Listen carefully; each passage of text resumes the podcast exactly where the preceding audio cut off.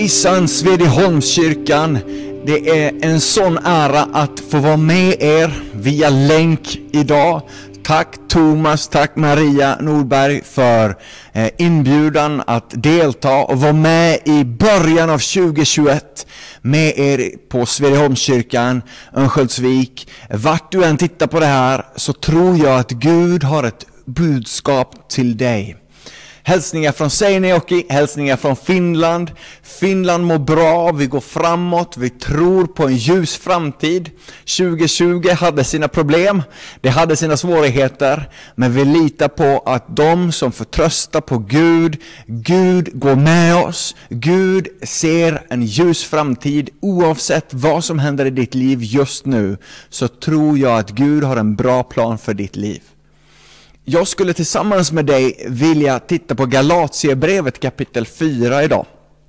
Vi ska tala om vår identitet som Guds barn och vad det innebär att Gud har tagit dig till en del av sin familj. Att han har sett på ditt liv när du förtröstade på Jesus och sagt Det där är min son, det där är min dotter, välkommen in i Guds familj. Det här med att vara en del av Guds familj, det är någonting mycket, mycket större än vad vi uppfattar eller vad vi som västerlänningar kan tänka oss. Och när Bibeln talar om oss som Guds barn så refererar den inte enbart till små barn. Så här tänker jag ofta, jag vet inte hur det är med dig, men, men jag tänker ofta så här att, att när, när man hör talas om att vi är Guds barn min tanke är en treåring, fyra eller femåring, en kille eller en tjej som hoppar upp i pappas famn och pappan omfamnar med kärlek och glädje sin son eller dotter. Och det är naturligtvis en del av att vara Guds barn. Men vi ska se idag i Bibeln att det handlar faktiskt om mycket, mycket mer än enbart den kärleken som Fadern har mot ett litet barn. Om du är i, i kyrkan för första gången, om du bara råkar hamna på den här kanalen, stäng inte av. Jag tror att Gud har ett budskap för dig också. Jesus ser på ditt liv. Han ser dig som värdefull och han längtar efter en relation med dig. Och du som tittar idag och känner dig långt borta från Gud, jag tror att det här budskapet kommer att tala in i ditt liv också och kalla dig till en djupare relation med Fadern. Men framförallt vill jag tillsammans med dig studera ett eh, ett par verser, sju stycken, i Galatiebrevet kapitel 4. Så vi vänder oss dit direkt och vi läser och sen ska jag berätta lite grann om kulturhistorien som Paulus skriver till när det kommer till galatierna. Vi läser Galatiebrevet kapitel 4 från vers 1 och framåt. Jag menar, så länge arvingen är omyndig är det ingen skillnad mellan honom och en slav, trots att han är ägare till allt. Han står under förmyndare och förvaltare fram till den dag som hans far har bestämt. På samma sätt var det med oss. Så länge vi var omyndiga var vi slavar under världens makter. Men när tiden var inne sände Gud sin son, född av kvinna och ställd under lagen, för att friköpa dem som stod under lagen, så att vi skulle få söners rätt. Och eftersom ni är söner har Gud sänt i våra hjärtan sin sons ande som ropar Abba, far. Alltså är du inte längre slav utan son. Och är du son är du också arvinge insatt av Gud. Du är en arvinge insatt av Gud. De här verserna, när jag läste dem för första gången så, så fattade jag inte riktigt vad det handlade om. Jag blev glad mot slutet av det som jag läste. Vi är Guds barn, vi är friköpta, vi är inte längre slavar, vi är söner. Och, och, och vi har Guds ande i våra hjärtan som ropar ut Abba fader. Men det som verserna innan handlar om förstod jag inte. Vers 1-4 ungefär. Vad är det Paulus talar om? När vi var under lagen så, så var vi som små barn som, som var under förmyndare och förvaltare till den dag som pappa hade bestämt. Vad är det han talar om? För att förstå det här och förstå, förstå vad Bibeln talar om, när Bibeln talar om att vi är Guds barn, så måste vi veta lite mer om kulturhistorien som Paulus skriver in i. Som du kanske vet så hade romarriket tagit över hela Israel, och inte enbart Israel utan en hel drös av länder och områden kring Medelhavet, ända upp in i norra Afrika. Romarriket var väldigt starkt. Och romarna hade eh, en viss attityd när det kom till länder som de intog. Det räckte inte för dem att var, ta herravälde och sätta sin flagga i landet. Utan de hade ett talesätt. När du lever i Rom så gör du som romarna gör. Det talesättet finns fortfarande kvar på engelska. When in Rome you do as the Romans do. På finska säger vi masa mantavalla. Vad det betyder är att i det land där du bor så, så måste du komma in i den kulturen. Och Paulus talar om det här när han säger att till judarna blev jag jude, till grekerna var jag grek. Och jag, jag gick in i kulturen för att, för att vara en del av kulturen och, och komma in med mitt budskap om Jesus in i den kulturkontext som jag befann mig i. Men romarna, när de tog över ett område, så ville de inte enbart sätta upp sin flagga utan också komma in med sin kultur och sitt tankesätt sina pengar, sina regerare, sina kungar och härskare över landet. Och Det handlar inte bara om en, en större härskning och, och vem herravälde, utan det handlar om att förvandla kulturen så att området skulle se ut så mycket som möjligt som Rom. Och därmed tog de med sig sina egna stadgar, sina kulturella eh, synsätt. Och, eh, och de i området som snabbt upptog den romerska kulturen, de sågs på med, med, med positiv ande och de fick massor med möjligheter i, i det nya samhället som nu härskades av Rom. Och därför så tog romar, romarnas kultur ännu mer fart. Då. och när Nya Testamentet skrivs så är det jätteviktigt att veta detta, för vissa av texterna vi läser öppnas upp på ett helt nytt sätt när du förstår att det skrivs in i en romersk kultur. Jag vet inte om du har tänkt på det här, hur ofta olika länder har olika kulturer när det kommer till myndighet i Sverige eller Finland i Norden, när de fyller 18 så blir de myndiga. Det betyder att de får ta körkort, de får rösträtt, de får massor med nya möjligheter, eh, också skyldigheter som de inte hade tidigare. Myndigheter speciellt. För oss händer det när man fyller 18.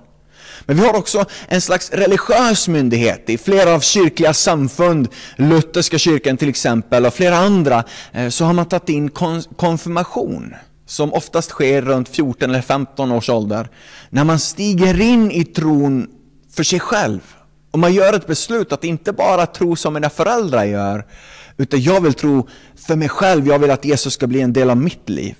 Konfirmation är en del av religiös myndighet. Om du tittar på judarna så har de bar mitzva och bat mitzva. Eh, pojkar vid 13 års ålder, eh, flickor vid 12, eh, så blir de myndiga religiöst sett. Oftast så läses några texter eh, i synagogan och så har man en fest hemma med släkt och nära vänner. Olika kulturer, om du läser om det här, har haft olika slags syn på myndighet. Varför talar jag om myndighet? Varför talar jag om kultur? Jo, för att, för att vi ska förstå vad som händer i Galatiebrevet så måste vi förstå den romerska kulturen och vad myndighet såg ut som för dem. Det som hände i en romersk familj var att om de fick barn så var barnen inte ännu arvingar. Trots att de var födda i familjen så hade de ingen rätt till arvet.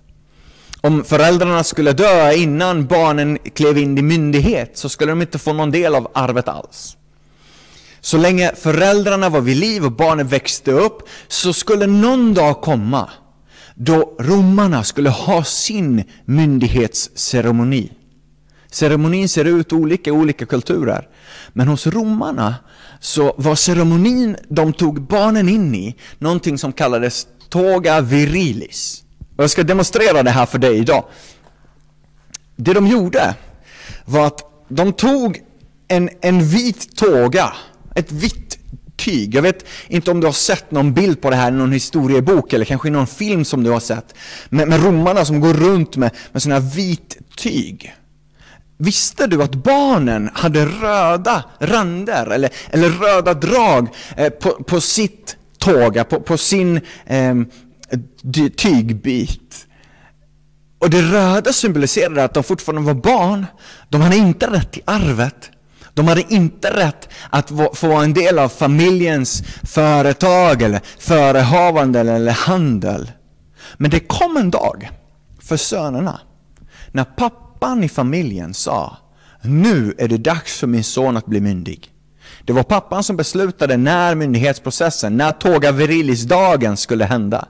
Oftast var det när pojken var mellan 14 och 17 år gammal, eller 14 och 19, eh, oftast som 17-åring ungefär. Och det som hände var att, att pappan skulle hämta en vit tåga och tvätta den så vitt som det bara skulle kunna gå och få det. Så han skulle ta den finaste de hade, ta den till den bästa kemtvättaren i stan för att få den så vit som möjligt. Han skulle samla familjen och kanske nära släkten, kanske några vänner, ha en stor fest för nu, idag, blir min son myndig. Och det som skulle hända var att, att pappan skulle ta den vita tygbiten, tågan, och sätta den på sin sons skuldror. Och alla skulle veta vad det här betyder. Från den här dagen, när pappan har sagt till sin son, nu går du med en vit tåga. Från den dagen är pojken myndig och från den dagen har han rätt till arvet. Innan Toga Virilis-ceremonin så ses pojken som en del av familjen. Han är ett barn, men han har ingen rätt till arvet. Han har ingen rätt att gå ut i handel eller köpa någonting i familjens namn. Eller ingå affärsgemenskap eh, eh med någon i familjens företag. Nej, nej, nej. Han, han är på samma nivå som en slav. Men när dagen är inne och Toga Virilis, ceremonin, myndigheten, Pojken kliver in i ett nytt liv, nytt ansvar, nya möjligheter. Det här är precis det som Paulus beskriver här i Galatierbrevet kapitel 4. Eh, Paulus använder samma bild i Romarbrevet kapitel 8 när det kommer till oss som Guds barn. Det handlar alltså inte enbart om att vara en 3-5-åring, liten kille eller tjej som får hoppa upp i pappas famn och bli omkramad. Nej, det betyder någonting mycket, mycket mer. Någonting mycket, mycket större. För en son i den romerska kulturen, att gå in i Toga Virilis betydde att han från den dagen hade rätt till arvet, hade rätt att göra affärer i familjens namn, hade rätt att gå ut på stan och sätta sin sigill på ett kontrakt som han ingick, som han såg bäst och han visste skulle föra familjens affärer framåt. Oftast i den kulturen, om pappan var fiskare så blev sonen fiskare, om pappan var snickare så, så blev sonen snickare. Eh, och det var någonting mycket starkt som hände när tågan och den här ceremonin tog plats. Nu när du vet det här, nu med den här bakgrunden, vill jag läsa tillsammans med dig igen. Samma verser, eh, Galatierbrevet kapitel 4. Lyssna nu igen med nya öron. Lyssna nu igen med, med kulturvissheten om vad det är som Paulus beskriver. Jag tror att det här kommer att eh, ge en helt ny inblick in vad det handlar om att vara Guds barn. Galatierbrevet kapitel 4. Jag menar, så länge arvingen är omyndig är det ingen skillnad mellan honom och en slav, trots att han är ägare till allt. Vi förstår direkt. Romerska kulturen, han är omyndig, han är ägare till allt, men han har ingen rätt till arvet. Vers 2. Han står under förmyndare och förvaltare fram till den dag som hans far har bestämt pappan bestämmer. På samma sätt var det med oss. Så Paulus jämför den romerska kulturen med oss som kristna. Och han säger så länge vi var omyndiga var vi slavar under världens makter. Men när tiden var inne sände Gud sin son född av kvinna och ställd under lagen för att friköpa dem som stod under lagen så att vi skulle få söners rätt. Söners rätt som beskrivs här, det, det, eh, du kan läsa teologer, läs Warren Wiersbe eller D.A. Miller, eh, läs teologer som beskriver ordet, det grekiska ordet bakom här, vers 5, söners rätt. Alla säger att det handlar alltså inte om en adopt, adoption, e-, ett barn från en annan familj som adopteras in i, i en ny familj. Nej, utan det handlar om den romerska adoptionsceremonin, myndighetsceremonin. När en son som är en del av familjen nu får ingå in i arvet och får vara en del, full makt i att vara en del av familjens affärer. Att vi, när vi tror på Jesus, skulle få den här slags söners rätt. Och eftersom, vers 6, och eftersom ni är söner har Gud sänt i våra hjärtan sin sons ande som ropar Abba, far. Alltså är du inte längre slav utan son. Och är du son är du också arvinge insatt av Gud. Nu förstår vi kanske lite mer vad det här handlar om i själva verket. Det är inte bara Gud Fader som älskar oss så mycket att han tar upp oss i sin famn. Det gör han, absolut, det är jätteviktigt. Men det handlar om mer än bara Guds kärlek. Det handlar också om auktoritet. Det handlar om smörjelse. Det handlar om din uppgift i livet. Den dagen du blir frälst så blev du inte enbart förlåten. Ja, du blir förlåten, det är fantastiskt. Att bli fri från skulden, att vara fri från synden, att veta att jag tillhör Jesus, jag tillhör inte längre mitt gamla liv. Det är fantastiskt. Men det tar inte slut där. Utan den dagen du blir kristen, den dagen du ger ditt liv till Jesus, så är det som att Gud från himlen, och jag önskar att jag var där med dig just nu, så skulle jag kalla fram just dig, att stå här med mig så att du skulle känna tyget som läggs på dina skuldror.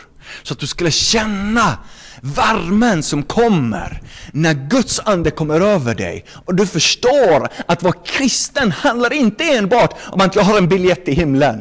Jag är frälst. Ja, jag kommer att se pärleporten en dag.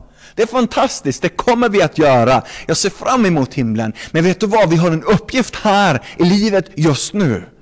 Och Gud har redan gett dig i frälsningen det du behöver för att uppfylla den uppgift som Gud har för dig. Han har redan gett dig arvet.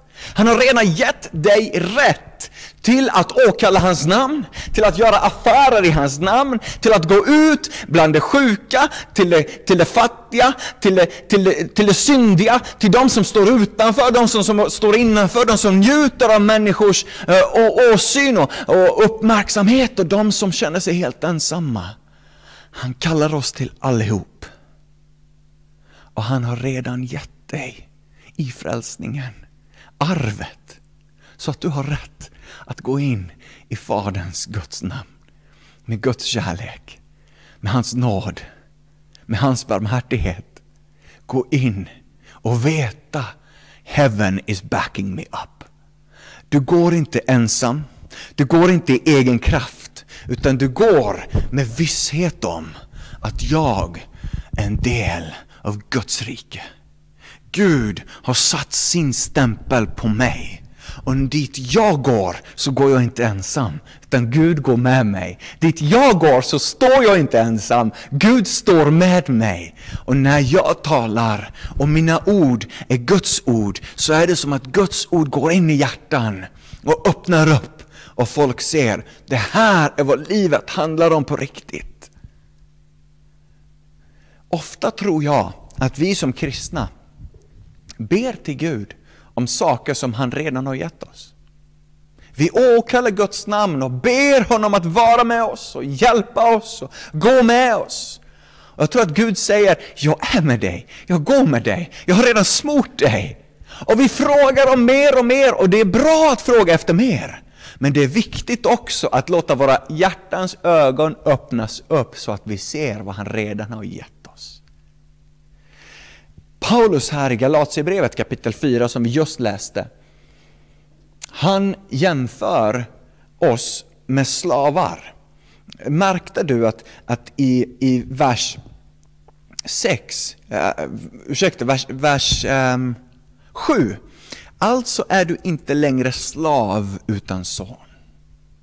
Du är inte längre slav utan son.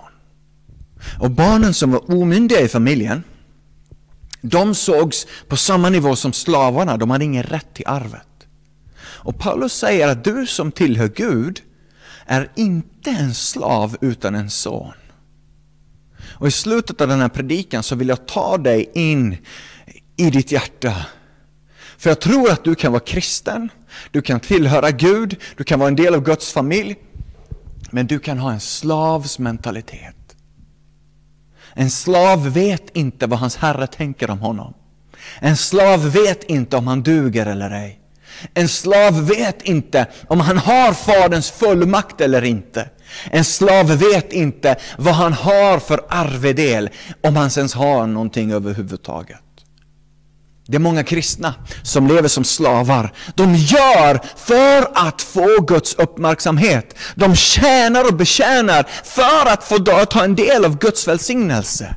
Men när du förstår vad det är Jesus har gjort för dig och kliver in i sonens rätt, den myndiga sonens rätt, Guds söners och döttrars rätt, så förstår du att Gud älskar dig oavsett om du tjänar eller inte. Du är accepterad oavsett vad som händer i ditt liv. Han har redan smort dig för allt som du ska göra och han vill smörja dig ännu mer med sin ande och eld. Gud har en god plan för ditt liv. Du behöver inte betjäna för att vara, eh, visa dig trogen. Utan du tjänar för att du älskar honom som har gett dig allt. Du tjänar för att du älskar att vara fri så som han har gjort dig fri. Vet du att det är många kristna som lever så som eh, den förlorade sonen levde. Lukas evangeliet, jag vill avsluta med det här bibelordet. Lukas evangeliet, Jesus berättar i kapitel 15, liknelsen om, om eh, den förlorade sonen. Och jag vill läsa med dig från vers 18, du kanske känner till berättelsen. Den yngre sonen i familjen kommer till pappan och säger jag vill få min del av arvet. Han hade rätt till arvet för att han hade gått igenom Toga Virilis-ceremonin. Annars hade han inte haft någon rätt till arvet alls. Troligt är det så att de som lyssnar på Jesus liknelse direkt förstår att eftersom pojken fortfarande är ung i den här berättelsen så är det troligtvis nyligen som han har fått sin Toga Virilis-ceremoni utförd. Och pojken kommer strax efter ceremonin och ber pappan om sin del av arvet. Pappan är för, naturligtvis förkrossad. Han delar upp sin egendom, ger den rätta delen till den yngre sonen och sonen beger sig iväg och slösar bort allting. Någon vecka, någon månad, något år senare så förstår pojken att det här är inget liv jag vill leva. Han har förlorat allting, han befinner sig i en svinstia och där i svinstian förstår han att hans pappa pappas slavar har det bättre än han har det i sin svinstia. Och han bestämmer sig för att gå tillbaka till familjen. Han bestämmer sig för att göra bättring och han, han bestämmer sig för att bege sig tillbaka hem. Han förstår att han inte har rätt till arvet längre. Han förstår att han inte har rätt att bli kallad son i familjen. Han, han vill bara bli slav, tjänare, bekänt. Och vi läser i vers 18. Pojken säger så här, den förlorade sonen. Jag vill stå upp och gå hem till min far och säga till honom Far, jag har syndat mot himlen och inför dig. Jag är inte längre värd att kallas din son. Låt mig få bli som en av dina arbetare. Och han stod upp och gick till sin far. Eh, lyssna igen på vers 19. Jag är inte längre värd att bli kallad din son. Låt mig få bli som en av dina arbetare. Han vet att han med sin synd och sina gärningar har förlorat rätten till att vara son. Vi fortsätter. Medan han än var långt borta fick hans far se honom och förbarmade sig över honom. Fadern skyndade fram, omfamnade honom och kysste honom.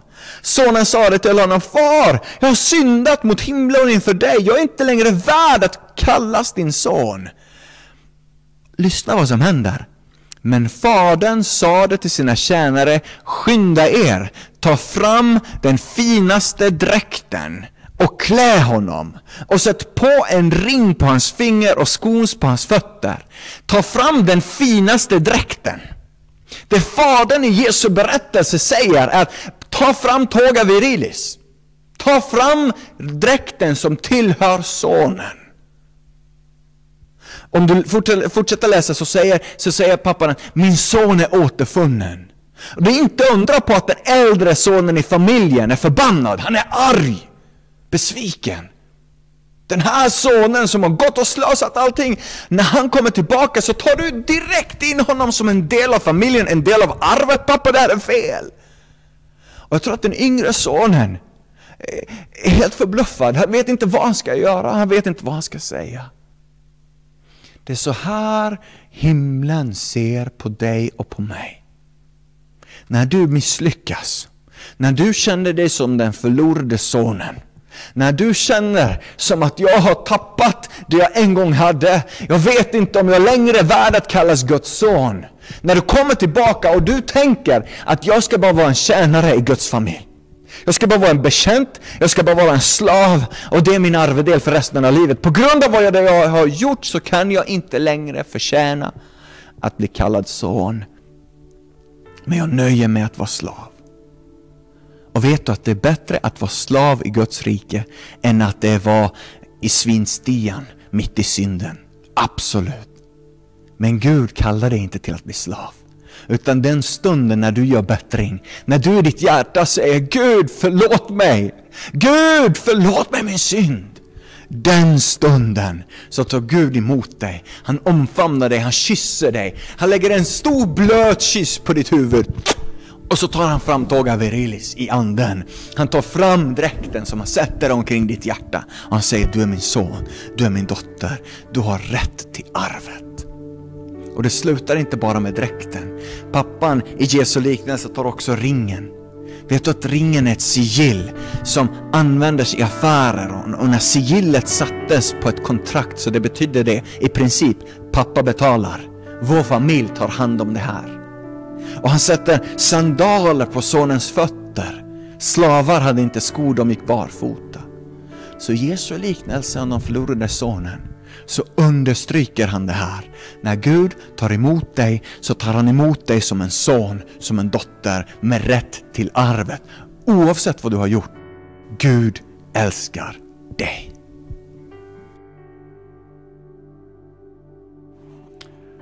Underbart.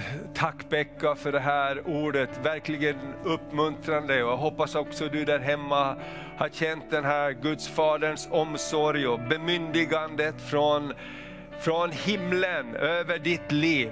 Du är, inte så, du är inte en slav, du är inte andra klassens. När du kom in i Guds rike, när du sa ja till Jesus så sa Jesus ja till dig och han har bemyndigat dig och han har gett dig nya kläder, han har gett dig, står det, rättfärdighetens mantel, han har tagit av sorgedräkten ifrån dig. Och jag vet inte vad du känner efter det här budskapet, men kanske känner du att du går omkring med smutsiga kläder på något område. Idag så kan du få lägga ner de kläderna av skuld, av skam, av att inte räcka till och bara påminna dig om att Jesu blod renar från all synd. Du kan påminna dig om att du är rättfärdiggjord, att Jesus själv, han har kommit för att ta bort skulden och skammen ifrån dig. Och är du på väg åt något annat, något annat håll så är det dags att vända om och börja gå emot Faderns kärlek, emot Faderns huset. För pappa står där och hans ögon spanar.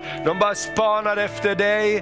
Och jag vill bara be för dig just nu, vem du än är, var du än är. Så vi bara helige Ande tjäna dig. I Jesu Kristi namn så bara tackar jag dig. Tack för det här budskapet Herre, som du har talat till oss om idag. Herre, jag bara tackar dig för att du bara ger nya kläder Herre. Du ger rättfärdighetens kläder. Herre, om vi har vandrat på vägar som inte behagar dig, så vill vi vända om från de vägarna. Och vi vill inte vara i fiendens lögn, att vi inte duger, att vi inte räcker till, att vi måste förtjäna barnaskapet. Men Jesus, du har köpt oss fria och du har gjort oss till till söner och till döttrar, till Gud den högste. Och Guds ande vittnar med vår ande att vi är Guds barn. Så i Jesu namn så talar jag frihet, jag talar liv, jag talar styrka. I Jesu namn mörka moln, mörka tankar, tankar av nederlag, av, du är besegrad. Jag bara säger till de tankarna att fly just nu i Jesu namn. Och liv kommer in där du är. Hälsa kommer in där du är. Ljusa tankar kommer in där du är. Himlen kommer in där du är. Just nu i Jesu namn. Åh, låt oss bara tacka Jesus. Låt oss bara tacka Jesus. Mm.